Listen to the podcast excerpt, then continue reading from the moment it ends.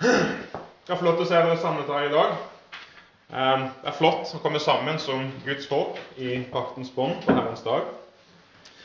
For litt over ehm, to måneder siden så forkynte jeg en, eh, en preken eh, som handlet om Guds suverene utvelgelse og om de helliges bevarelse fra Johannes evangeliet kapittel 6. Kanskje ikke alle har hørt den, men mye av det som er sagt der, blir grunnlaget for denne preken som eh, kommer i forlengelse. Men det jeg vil vi skal spørre oss om i dag, er hva blir egentlig poenget for oss med evangelisering og misjon? Hvis det virkelig er slik at Gud har utvalgt noen mennesker til frelse, er det ikke da helt unødvendig hvis Gud på eh, ubetinget grunnlag har utvalgt visse til frelse som garantert vil komme til tro? Hvorfor skal vi i det hele tatt drive med evangelisering hvis det er sant? Kveler ikke dette all gløden for evangeliserings- og misjonsarbeid. Tenk over det. Tittelen på denne prekenen er 'Reformert teologi som pådriver for misjon'. Og som jeg kanskje eh, forstår ut fra tittelen, så er jeg personlig sterkt overbevist om at den reformerte frelseslæren, eh, som er dypt forankret i Bibelen, er både praktisk med tanke på det kristne livet generelt, og med tanke på eh, misjonsoppdraget som vil være vårt hovedfokus i dag. Min påstand er at reformert teologi, rett forstått, er krutt til evangelisering og misjon. Det er krutt til evangeliserings- og misjonsarbeid. Før vi begynner eh, prekenen, så vil jeg forklare kort hva jeg mener med det kristne misjonsoppdraget. Det kan kanskje være litt diffust. Hva mener du med misjonsoppdrag? Kan du definere det? Fra et bibelsk perspektiv så er oppdraget svært bredt. Det er svært bredt, og det er altomfattende. Det, om, det omfatter mye mer enn det bare fører eh, enkeltsjeler til frelse. Eh, oppdraget vårt omfatter alt fra ekteskap, barn, hushold, arbeid, samfunn, kultur, land, med sikte på at alt dette og hele verden skal underlegges Kristus. Det er oppdraget bredt forstått. Det kristne oppdraget er altomfattende. Budskapet om den oppstandende Kristus skal gjennomsyre og fornye alle sfærene av livet ditt som kristen. Men det jeg vil fokusere på i dag, er det mest grunnleggende i oppdraget. Det som ligger til grunn for alt det andre. Og det er nemlig det at mennesker føres til tro i møte med de gode nyhetene om Jesus Kristus. Og Det er jo selvfølgelig selve nøkkelen og hjerten, hjertet og hovedpulsen til alt det som misjonen ellers omfatter. Ehm, det er på en måte fundamentalt for alt det andre. Uten at folk først føres til tro, og at hjerter så forandres, så er det intet varig håp for verken ekteskap, barn, hushold, arbeid, samfunn, kultur, land eller for verden. Det er fundamentalt for alt det som kommer i forlengelsen. Og Målet med denne talen er at du skal se at den reformerte frelseslæren faktisk er enormt praktisk og relevant for deg i ditt oppdrag om å vinne mennesker for Kristus. Jeg håper at dere vil se at utvelgelse og forutbestemmelse faktisk blir en propell til misjon og evangeliseringsarbeid. Og jeg håper at det vil bli en pådriver for deg personlig i det kristne oppdraget, i alt ditt eh, kall og arbeid i hverdagen. Det er tre punkter jeg vil understreke i dag. Eh, tre punkter. Det første er at utvelgelseslæren er en pådriver for oppdraget. Det andre er at utvelgelseslæren ikke er en unnskyldning til passivitet. Og det tredje er at all sann teologi er praktisk teologi. Ok? Tre punkter. Og Vi begynner med det første, nemlig at utvelgelseslæren er en pådriver for oppdraget.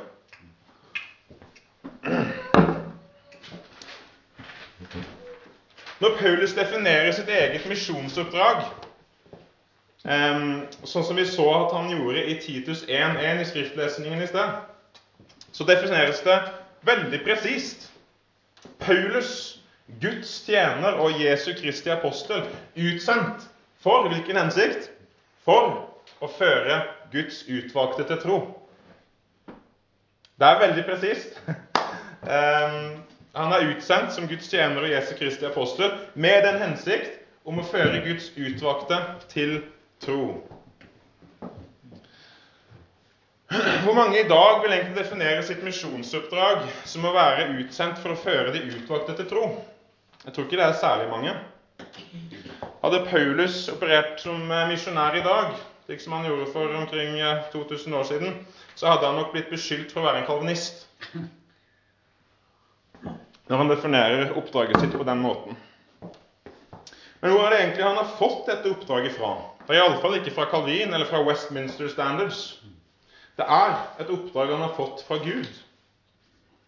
Paulus var utsendt av Gud som Guds tjener og Jesu Kristi apostel. Med dette konkrete oppdraget om å føre de utvalgte til tro. Det er et oppdrag som er gitt han av Gud selv, og som Jesu Kristi apostel så viderefører Paulus oppdraget som Jesus kom med fra Gud. Og Dette var noe vi var litt innom i den forrige preken fra Johannes 6, um, hvor Jesus da definerer sitt oppdrag. Um, og uh, Han er inne på akkurat det samme greiene i, i uh, kapittel 17 i sin øverste prestelige bønn. Um, og Jeg vil bare oppsummere noen av hovedmomentene som vi ser om Jesu oppdrag i den bønnen. Som jeg mener er klinkende klart. da. Uh, fantastiske tekster. Eh, første poenget som vi kan se i Jesu øverste prestelige bønn, er at Jesus har fått makt av Faderen til å gi evig liv til de utvalgte, altså de som Faderen har gitt ham. To, Jesus åpenbarer seg kun for de som Faderen har gitt ham ut av verden, altså de utvalgte. Jesus ber kun for de som Faderen har gitt ham. Det står at han ber ikke for verden, bredt forstått, han ber for dem som Faderen har gitt ham ut av verden. Og han ber ikke bare for de som har kommet til tro på det tidspunktet, men han ber for de som skal komme til tro. Så når Jesus ber som øverste prest, så ber han for alle de utvalgte, selv før de har kommet til tro. Og Jesus, punkt 4, Jesus sender oss ut med oppdraget om å finne nettopp disse som Faderen har gitt ham og som vil komme til ham gjennom vårt vitne. Det er fantastisk. Det er herlige sannheter. Men man kan jo spørre seg Ok, Jesus, jeg forstår. Eh, de som Faderen har gitt deg, de vil komme til deg. Du ber for dem, de vil komme. Du kom for å gi dem evig liv. Men vi må spørre oss vil det være få, eller vil det være mange? Man kan kanskje tenke at eh, Ok, Gud har utvalgt noen, men det, det må innebære at de er svært få. Og det å finne dem må jo være som å finne en nål i en høystakk. Men Johannes inkluderer en veldig interessant hendelse i kapittel 21 i det samme evangeliet. Peter hadde fisket hele natten uten å få noe fangst. Plutselig står den oppstandende Jesus på stranden uten at de innser at det er han. Fra avstand så spør han eh, om de har noe å, å, spise. Men de har ikke noe å tilby, for de har ikke fått noe fisk. Og så leser vi i kapittel 21 vers 6 eh, at Jesus sier til dem i respons Kast garnet ut på høyre side av båten, så får dere fisk. Da kastet de det da ut, og nå maktet de ikke å trekke det opp, for så mye fisk var det. Det var så mye fisk at de maktet ikke å trekke det opp. Og Dette antyder at fangsten Jesus har forberedt for oss, er en stor fangst overfor en liten fangst. Ifølge denne teksten her så vil det være en overflod av fisk. Som menneskefiskere så er vi kalt til å fiske etter alle slags fisk uten forskjell eller diskriminering. Men det hadde vært veldig lite motiverende hvis vi som menneskefiskere ikke hadde noe garanti eller noe sikkert håp om at vi faktisk skulle få en garantert fangst. Men Jesus er den som leder de utvalgte vår vei, akkurat som han ledet alle fiskene til å strømme inn i nettene som de kastet ut på høyre side av båten. Jesus er den som leder den vår vei. Og fangsten som Jesus har forberedt på for oss, den er enorm. De utvalgte vil ikke være få i antall, men det vil være et stort antall. Et mektig antall. Og Jesus er sendt av Faderen for å gi evig liv til de utvalgte. Og Jesus han sender oss ut eh, som sine vitner for å finne dem og for å føre dem til tro, og i forlengelse disippelgjøre dem. Jesus ber for alle de som skal komme til tro, og ikke bare det, men han sørger for at de ender opp i nettene våre. Han sørger for at de ender opp i nettene våre. Og det er en sterk og stor oppmuntring. Tenk for en motivasjon dette var for Paulus. Han som var utsendt for å føre Guds utvalgte til tro. Og det er ment til å være en like stor motivasjon for meg og for deg i dag. Gud har utvalgt seg et stort folk, et stort folk, som han har gitt til Jesus. Og Jesus kom ned til jorden for å gi dem evig liv. Jesus har utsendt sine vitner for å kaste ut nettene og finne dem. Og Gud drar dem vår vei, slik at nettene fylles. Og de vil ikke være få i antall. Jesus sier at han går i forbønn for alle de som skal tro, de som vil komme til tro, men som ennå ikke har nådd frem. Jesus ber for dem alle sammen. Og det inkluderer hvis du tenker over det, i aller høyeste sannsynlighet helt konkrete mennesker som du har enten nå i ditt liv, eller som du vil få i ditt liv på et senere tidspunkt. Jesus ber for dem. Jesus ber for dem. Jesus kom for dem. Mennesker med navn. Og han ber for dem, selv før de har kommet til tro.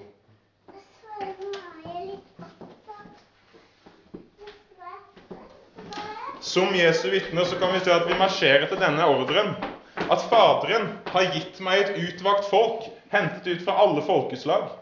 Jeg lever alltid for å gå i forbønn for dem. Jeg nevner dem ved navn. Gå så ut og finn dem. Nød dem å komme inn. De skal høre min røst, og de skal bli mitt folk. Det er ikke et spørsmål om det. Og dette er en sterk pådriver for misjon. Dette var en sterk pådriver for Paulus, og det er ment til å være en sterk pådriver for oss Paulus holdt fast på dette eh, når han led forfølgelse og urettferdig fangenskap pga. misjonsarbeidet. Paulus nevner dette i 2. Timoteus kapittel 2, vers 8-10, som vi også hadde, var så vidt innom i skriftlesningen. Jeg vil lese det på nytt, bare for å bringe det ferskt inn i minnet. 2. Eh, Timoteus 2, vers 8-10. Der står det Kom Jesus Kristus i hu han som er reist opp fra de døde, av Davids ett, etter mitt evangelium. For dette evangelium er det jeg lider ondt, like til det å være lenket som en forbryter. Men Guds ord er ikke bundet. Derfor utholder jeg alt for de utvalgtes skyld. Merk deg det.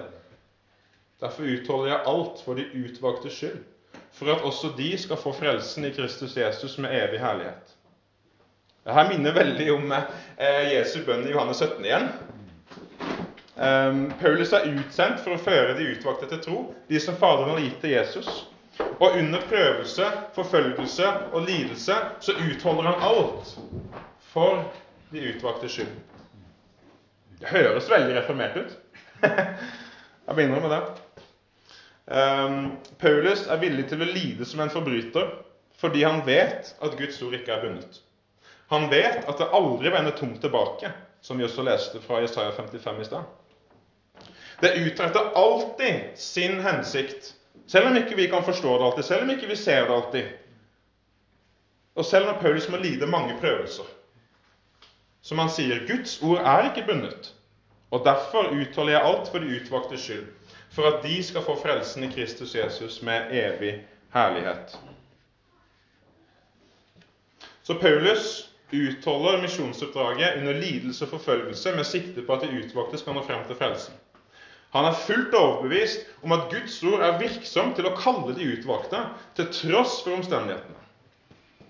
Og det er til tross for våre omstendigheter også. Guds ord vender aldri tomt tilbake.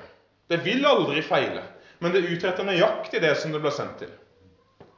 Når du er på jobb, og du deler Guds ord, eller vitner, eller bare er et generelt vitnesbyrd på en eller annen måte, og de ser Kristus i deg, de hører Guds ord Det som du så rundt deg da, det vender ikke tomt tilbake.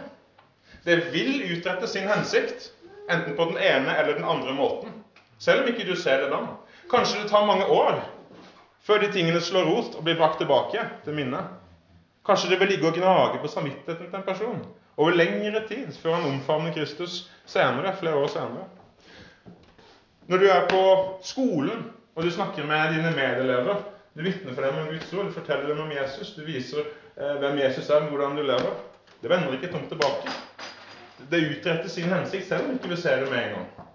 Sammen med naboene dine, familiemedlemmer, barna dine, søsknene dine. Guds ord er virksomt, og det utretter alltid sin hensikt. Og Det er en vanvittig oppmuntring. Det gir håp. Selv om omstendighetene er vanskelige, selv om det ser håpløst ut, som det gjorde for Paulus da han satt i fangenskap, så kan vi vite at Guds ord er ikke bundet. Det utretter sin hensikt. Og de utvalgte vil bringes inn.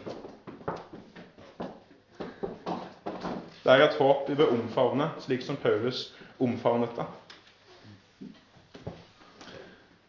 Og Dette leder oss over i neste poeng, nemlig at utvelgelseslæren ikke er en unnskyldning til passivitet. Paulus omfavnet utvelgelseslæren til Jesus, som vi kan lese om i Johannes 6, vi kan lese om det i Johannes 10, vi kan lese om det i Johannes 17. Men det ble aldri en unnskyldning til passivitet. Det ble heller en pådriver til aktivitet. Han var Guds tjener og Jesu Kristi apostel, utsendt for å føre Guds utvalgte til tro. For han, for Paulus, så gikk utvelgelseslæren og misjonsarbeidet hånd i hånd. Det gikk hånd i hånd. Det var ingen kald og rent teoretisk og upraktisk lære. Langt ifra. Tvert imot så var det en varm, det var en praktisk lære. Det var en lære som gikk inn i hodet, ned i hjertet, ut i hender og føtter. Det ledet ikke til passivitet, men til aktivitet. Så utvegelseslæren er overhodet ingen unnskyldning til passivitet. Det er litt sånn som barneoppdragelse, for de av dere som har barn. Ehm, det er ikke nok å vite at Gud har gitt deg barn, og at det er løfter knyttet til barna våre. Vi kan ikke bare ta Guds løfter for gitt. Løftene er ikke ment som en hvilepute som kan lede deg til å være passiv. Men det er heller ment som en årsak til å gripe fatt i løftene på en aktiv måte. Daglig se til løftene og vite at Gud bruker midler. Barna våre må oppdras daglig. De må oppdras i Herrens lov, i evangeliet, i den daglige omvendelsen, i håp om den kommende verden. De må lære seg et robust verdensbilde. De må være aktive i barneoppdragelsen. Vi vet dette. Ja, det er løfter knyttet til barna våre.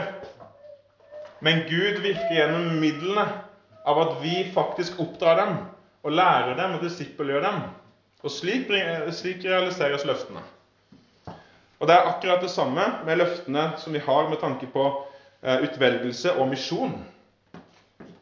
Vi skal ikke ta disse løftene for gitt, men vi skal ta det til en anledning til å gripe fatt i dem og handle og være aktive. Og det skal motivere oss og være en pådriver for oss. En pådriver. Gud har ikke bare utvalgt personlighet personer til frelse, men han har også utvalgt midlene og instrumentene for å bringe dem til tro.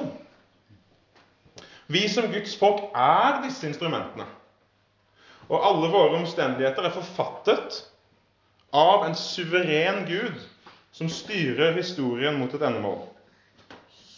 Din situasjon slik den er akkurat nå, er forfattet av en suveren Gud som har hensikter med deg med ditt liv. Misjon er designet av Gud som det middelet han bruker til å kalle på og dra de utvalgte til Jesus. Og vårt eh, som eh, evangelistiske arbeid, som ofte er skrøpelig, svakt kjørt. Eh, vi, vi, vi, feiler ofte. Eh, vi har ikke frimodigheten vi gjerne burde hatt. Av og til så abdukerer vi. Altså, det, det, vi, er, vi, er, svake mennesker. Og Gud vet det. Han husker at vi er støv. Men likevel har han valgt å bruke oss som sine instrumenter for å utrette sin frelsesplan om å gjøre alle ting nye i og ved Kristus, som vi sang om i første sangen vår i dag. Jesus er i ferd med å gjøre alle ting nye. Det begynner med mennesker, og det, det, det resulterer i at hele verden også skal bli ny. Han har valgt å bruke oss i vår, i vår svakhet som sine instrumenter. Tenk på det. Hvordan hans styrke og herlighet fremvises i at han bruker svake kar. Paulus, som vi har sett, anså seg selv som et instrument for å føre de utvalgte til tro. Og Herren ledet han i kontakt med helt konkrete mennesker etter sin evige plan. Og dette ble tydelig eh, når Paulus kommer til Korint som misjonær. Vi var også innom det i tekstlesningen. Paulus kommer til Korint som misjonær. Og Det er viktig å huske litt på sammenhengen her. da. For Paulus i apostlenes gjerninger han har lidd konstant og konsekvent forfølgelse. Veldig mye fra jødene. Han har blitt eh, latterliggjort, han har blitt drevet ut, han har blitt eh, steinet, forsøkt drept. De har plottet sammen om å ta livet hans om og om igjen. Han kommer til Korint. Og hva skjer? Det første som skjer, jo han avvises momentant av jødene. Men det er veldig interessant, for det som skjer i forlengelse av det, er at synagogeforstanderen, Krispus, med hele hans hushold, blir konvertert. Han som leder den lokale synagogen, han som leder den lokale synagogen i området, blir konvertert med hele husholdet. Og ikke bare det. Du kan tenke deg at allerede det var nok for jødene å, å begynne å boble og begynne å plotte om hvordan de skal få drept Paulus. Men så flytter han inn til hedningen Titus Justus, som bor rett over gaten ved synagogen. Han flytter inn hos en hedning rett over gaten for synagogen, hvor han har konvertert synagogen. Altså, Det var livsfarlig for Paulus. Livs, altså, så lenge han gikk i Korint og åndet åndedrag Hvert sekund han kunne dø. Han kunne forvente at altså, nå skjer det, nå skjer det, når som helst. Men i eh, Apostlenes gjerninger 1810 så, så åpenbarer Jesus seg da, til Paulus. Eh, jeg kan bare gjenta verset. leser igjen fra verset 9 til 11. En natt sa Herren til Paulus i et syn.: Vær ikke redd.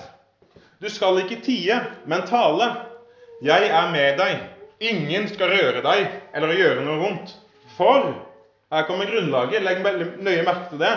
For i denne byen har jeg et tallrikt folk. Eh, NB88 sier mye folk. 2011-oversettelsen eh, er tallrikt. Poenget er at han har mye folk der. Og Derfor står det at Paulus ble der i halvannet år, halvannet år som misjonær. Hvem er disse folkene? Hvem er dette tallrike folket? Jo, det er jo akkurat de som Jesus sier at han ber for, men som ennå ikke har kommet til tro. Og, og, Paulus er da hans utvalgte instrument, plassert i Korint, for å føre disse menneskene til tro. Det var konkrete mennesker med navn. Konkrete mennesker Jesus kjente på forhånd.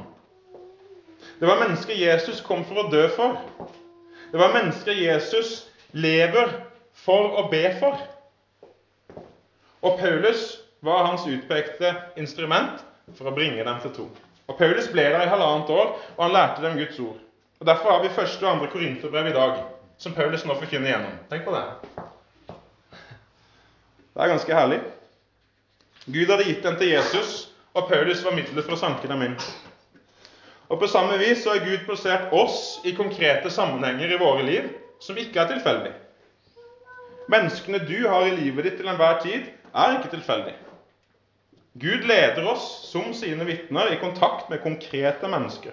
Han leder oss inn i ferdiglagte gjerninger for å føre hans utvalgte til tro. Det er ingen tilfeldigheter med Gud. Selv om ikke vi alltid forstår det, så har Gud en hensikt med det. Den andre teksten i Apostlenes gjerning er i eh, kapittel 13, vers 48. Og Her ser vi Paulus på misjonsmarken. Her ser vi Paulus sitt misjonsoppdrag om å føre Guds utvalgte til tro utfoldet i praksis på misjonsmarken sammen med Barnabas. Jeg trenger ikke å slå det opp, men jeg leser det opp. Jeg bare gjentar verset. Eh, Paulus og Barnabas de forkynner Herrens ord, og hva blir resultatet? Jo, det står Da hedningene hørte dette, gledet de seg og lovpriste Herrens ord. Og alle som var bestemt til evig liv, kom til tro.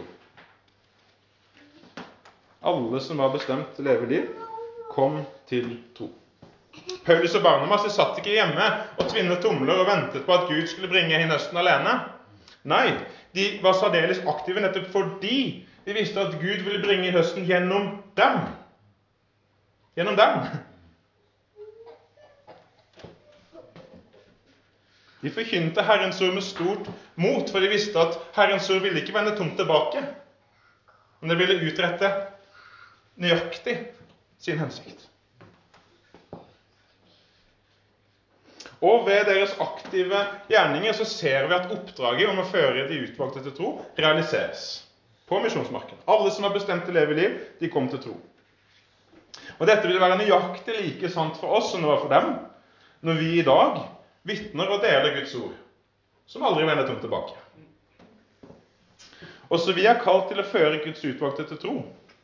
Og selv om vi bare får sådd et frø her eller et frø der, så vil også disse frøene som vi sår, om det er på jobb, om det er på skolen, om det er med naboen, om det er med barna dine, med kona di, med mannen din, med, med vennene dine, familien din De frøene som du sår, de vil ikke vende tomt tilbake. På en eller annen måte så vil de utrette sin hensikt. Det er et løfte vi har fra Gud.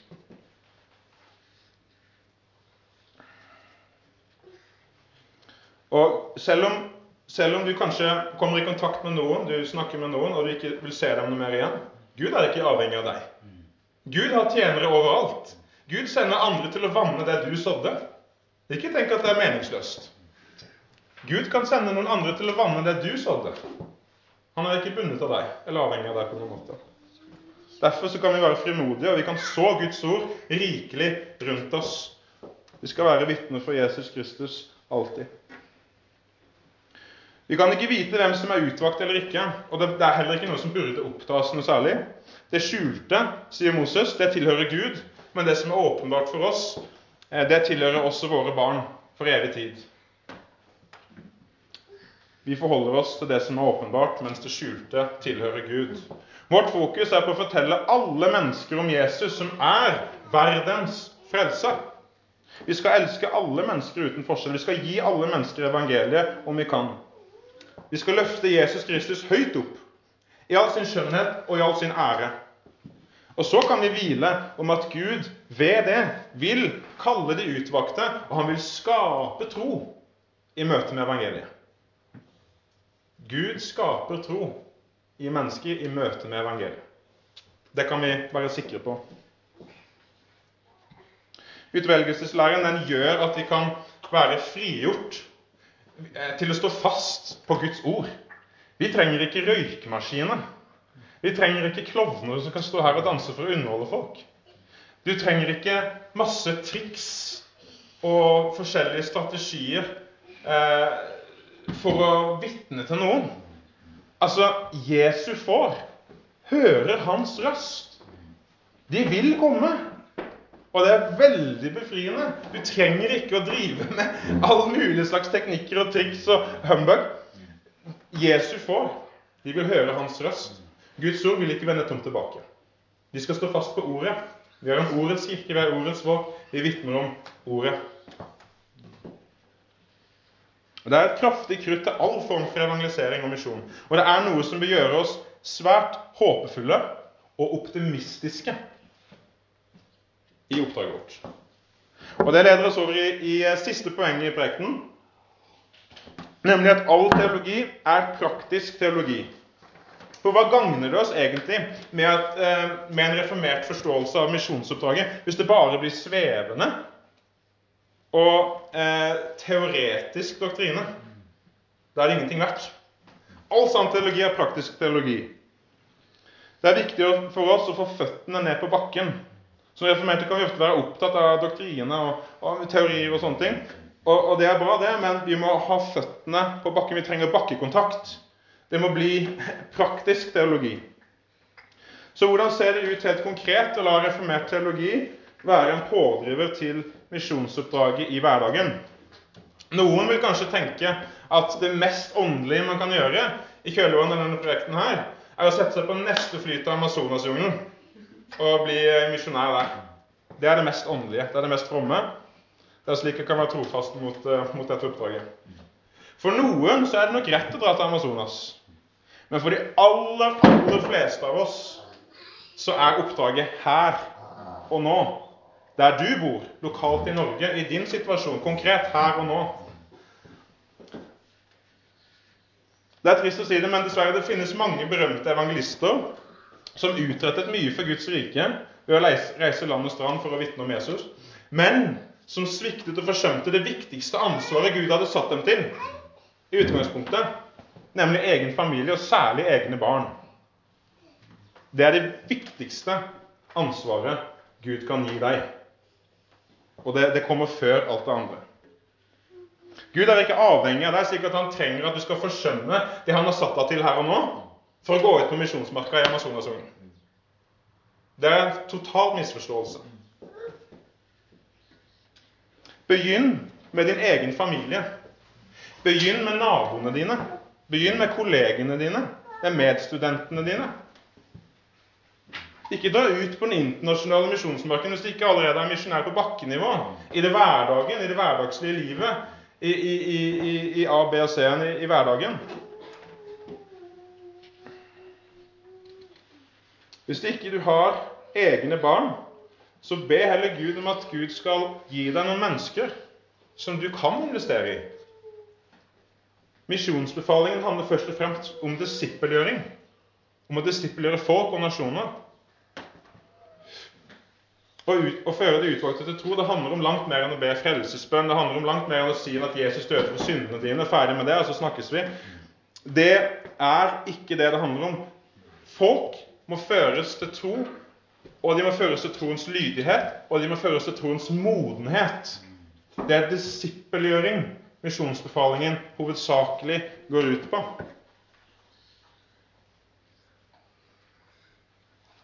Vi skal læres opp i et robust kristent verdensbilde. Og som Jesus sier, så skal vi lære, eh, lære videre alt det han har lært oss at vi skal holde. Alt sammen. Så invester i enkeltmennesker over tid. Prøv hvis ikke du har, som sagt, ikke har barn, prøv å be om at Gud skal vise deg noen du kan investere i. Noen du kan bruke tid på. Noen du kan komme nær. Som du kan være med og disippelgjøre. Fokuser på kvalitet overfor kvantitet. Jesus brukte tre år på tolv disipler. Han brukte tre år på tolv disipler, og de tolv disiplene forandret verden. Tenk på det. Kvalitet er mye viktigere enn kvantitet. Ikke føl på det. 'Å, jeg må ha 100 omvendelser. Jeg må ha nådd eh, så og så mange.' ikke sant? Det er ikke sånn Jesus tenkte. Jesus tenkte at hvis jeg, kan legge eh, så mye som mulig ned i, i en liten gruppe på tolv personer, så er det nok til å forandre verden. Og det er sant. Det har enorme ringeffekter.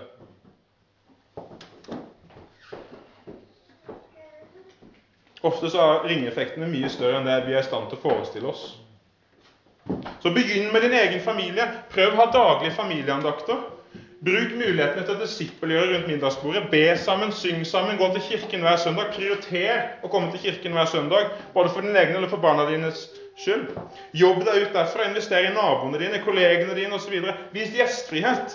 Vis dem hvem Jesus er, både i ord og i gjerning. Men merk deg dette det finnes intet annet arbeid for Herren som er mer viktig og fruktbart enn det den disippelgjøringen du gjør av dine egne barn. Hjemmet er en disippelskole som pågår hver dag, konsekvent i en lang årrekke. Det er en konstant investering man gjør i Guds rike og i misjonsoppdraget. Du trener barna dine til å gå ut og forandre verden for Kristus. De går ut i alt sitt kall og i alt sitt yrke som solide, disippelgjorte kristne.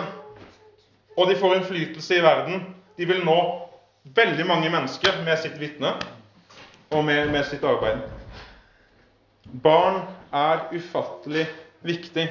Invester i dem.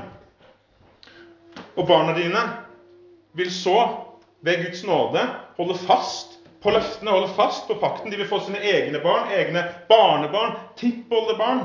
De vil gi brannfakkelen videre i slekt etter slekt. Vi bygger ikke med sikte på her og nå primært, men vi tenker langsiktig. De kommende generasjonene. Barn, barnebarn, tippoldebarn. Tenk langsiktig. Bruk tiden. Eh, investere den godt i dine egne barn, eller eventuelt i mennesker som Gud har satt i ditt liv, som du kan investere i hvis ikke du har egne barn. Barn er en gave fra Gud. Ifølge Malaki så er hensikten med ekteskapet og merk det, hensikten med ekteskapet er at Gud vil kalle frem en hellig ett. Han vil ha hellige etterkommere. Poenget med ditt kristne ekteskap eh, er at Gud vil ha hellige etterkommere. Derfor er ekteskap, familie, barn osv. uhyrlig viktig i Guds plan.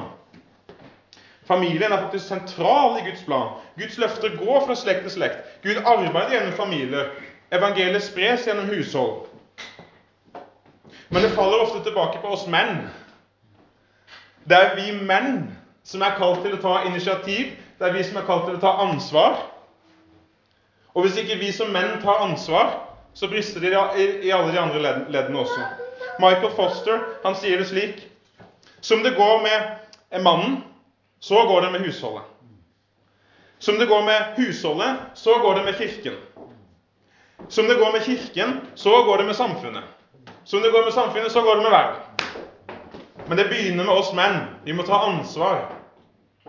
Vi må ta ansvar. Etter Guds design så, er det slik at vi skal være ledere. Vi skal være de som er i frontlinja, som tar initiativ. Og det er et ansvar vi må omfavne og ta inn over oss. Og det begynner med ditt eget hushold. Forandring begynner med oss. Og Det er også viktig å huske på, igjen i forlengelse av Malaki der, at Gud kaller sine utvalgte primært og mest normativt innenfor paktens rammer. Innenfor kristne familier. Det er der Gud kaller til seg. Gud vil ha en hellig, etterkom hellig etterkommere. Det er derfor vi har ekteskap. Gud vil være en Gud for oss og for våre barn. Det er hjerteløftet i, Abrahams, i løftene til Abraham. Gud vil være en Gud for oss og for våre barn etter oss. Gud har gitt oss ekteskapet, for han vil ha hellige etterkommere. Gud vil omskjære hjertene våre og til våre barn.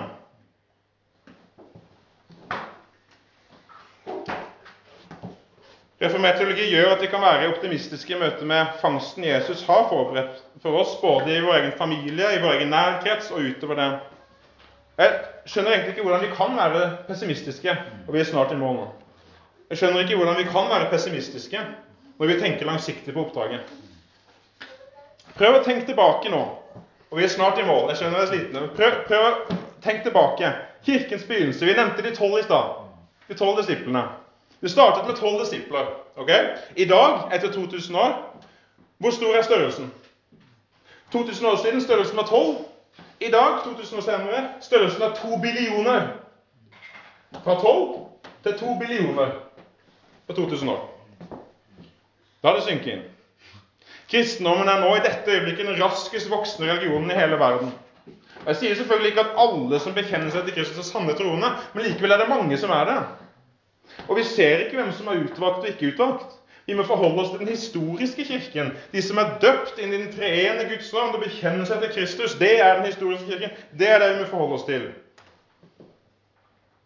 I år 1900 var det 9 millioner kristne i Afrika. Hvor mange tror du det er i dag? I år 1900 9 millioner. 9 millioner. I dag eh, I dag så er det eh, 400 millioner. 400 millioner kristne fra 9 til 4. 100 millioner. 9 til 400 millioner. Det er bare Afrika alene. Vi ser det samme i Kina. Det begynte som, eh, med 4 millioner kristne i 1949, og i dag, 70 år senere, så er det 100 millioner. 4 millioner for 70 år siden. Nå 100 millioner. Kristus legger folkeslagene under seg. De utvalgte med deres barn de strømmer inn i Guds rike. Kirken vokser. Vi trenger ikke å være pessimistiske. Fangsten er stor. Husker dere? Johannes kapittel 21. Jesus gir dem seg kast ut nettene. Jesus drar alle fiskene inn i nettene. Fangsten er stor. Det er ikke en liten fangst. Det er en stor fangst. Vi kan være optimistiske når vi tenker langsiktig på oppdraget. Vi som reformerte bør være de mest håpefulle og optimistiske av alle kristne. For vi vet at fangsten er forberedt for oss. Vi vet at fiskene vil strømme inn i nettene våre. Vi vet at det er garantert at Gud vil fylle nettene. Kirkens nett vil fylles med fisk. Oppdraget vil bli fullført. De utvalgte vil bli frelst. Hva så om Herren velger å drøye 2000 år til? Det gikk fra 12 til 2, 2 billioner 2000 år. Hva om man så velger å drøye 2000 år til? Tenk langsiktig på oppdraget. Tenk så mye vi kan utrette. Tenk så optimistiske vi burde være på fangsten han har forberedt for oss. Uansett om man drøyer i 200 år, i 2000 år eller 20 000 år, så er det uansett grunn til håp. For resultatene av Jesu Kristi døde oppstandelse er oss garantert. Det er sikkert. Lammet som ble slaktet, vil få den fulle lønnen for sin stedfortredende lidelse og død. Jesus har oppstått. Han har seiret. Han seirer. Han vil seire. Han regjerer, han er på tronen. Han hersker nå. Han legger folkeslagene under seg her og nå. Vi har all grunn til å være optimistiske med tanke på misjonsoppdraget. Det handler om Jesu Kristi ære. Jesu Kristi triumf vil bli sett i den kristne misjons triumf. Og han bruker svake kar som oss. Tenk på det. Vær frimodig. Ta inn over deg dette håpet. Jeg tror at Kristus har et tallrikt folk også her i Norge, og selv her i Hamar. Selv i din nærkrets så er jeg fullt overbevist om at det er mennesker som Jesus ber for å nevne med navn. Og Vi bør ønske å fortelle alle mennesker at Jesus er den som har seiret. Han nå seier, han skal seire. Han er ikke bare den lidende tjeneren, han er Kristus Viktor, han er den seirende. Verden har en ny konge. Og det er noe vi kan frimodig annonsere. Verden har en ny konge. Kristus regjerer. Fangsten er garantert. Derfor burde vi ha et sterkt håp. Vi burde være frimodige, og vi burde vitne om det herlige evangeliet om Jesus Kristus på alle måter vi kan. La derfor den reformerte teologien som du bekjenner deg til, som vi bekjenner oss til her i Hamar presbyterianske kirke, la det drive oss i misjonsoppdraget. La det drive oss. Ære være Faderen og Sønnen og Den hellige ånd, som var, er og være skal. En sann Gud fra evighet og til evighet. Så svarer Guds folk. Amen.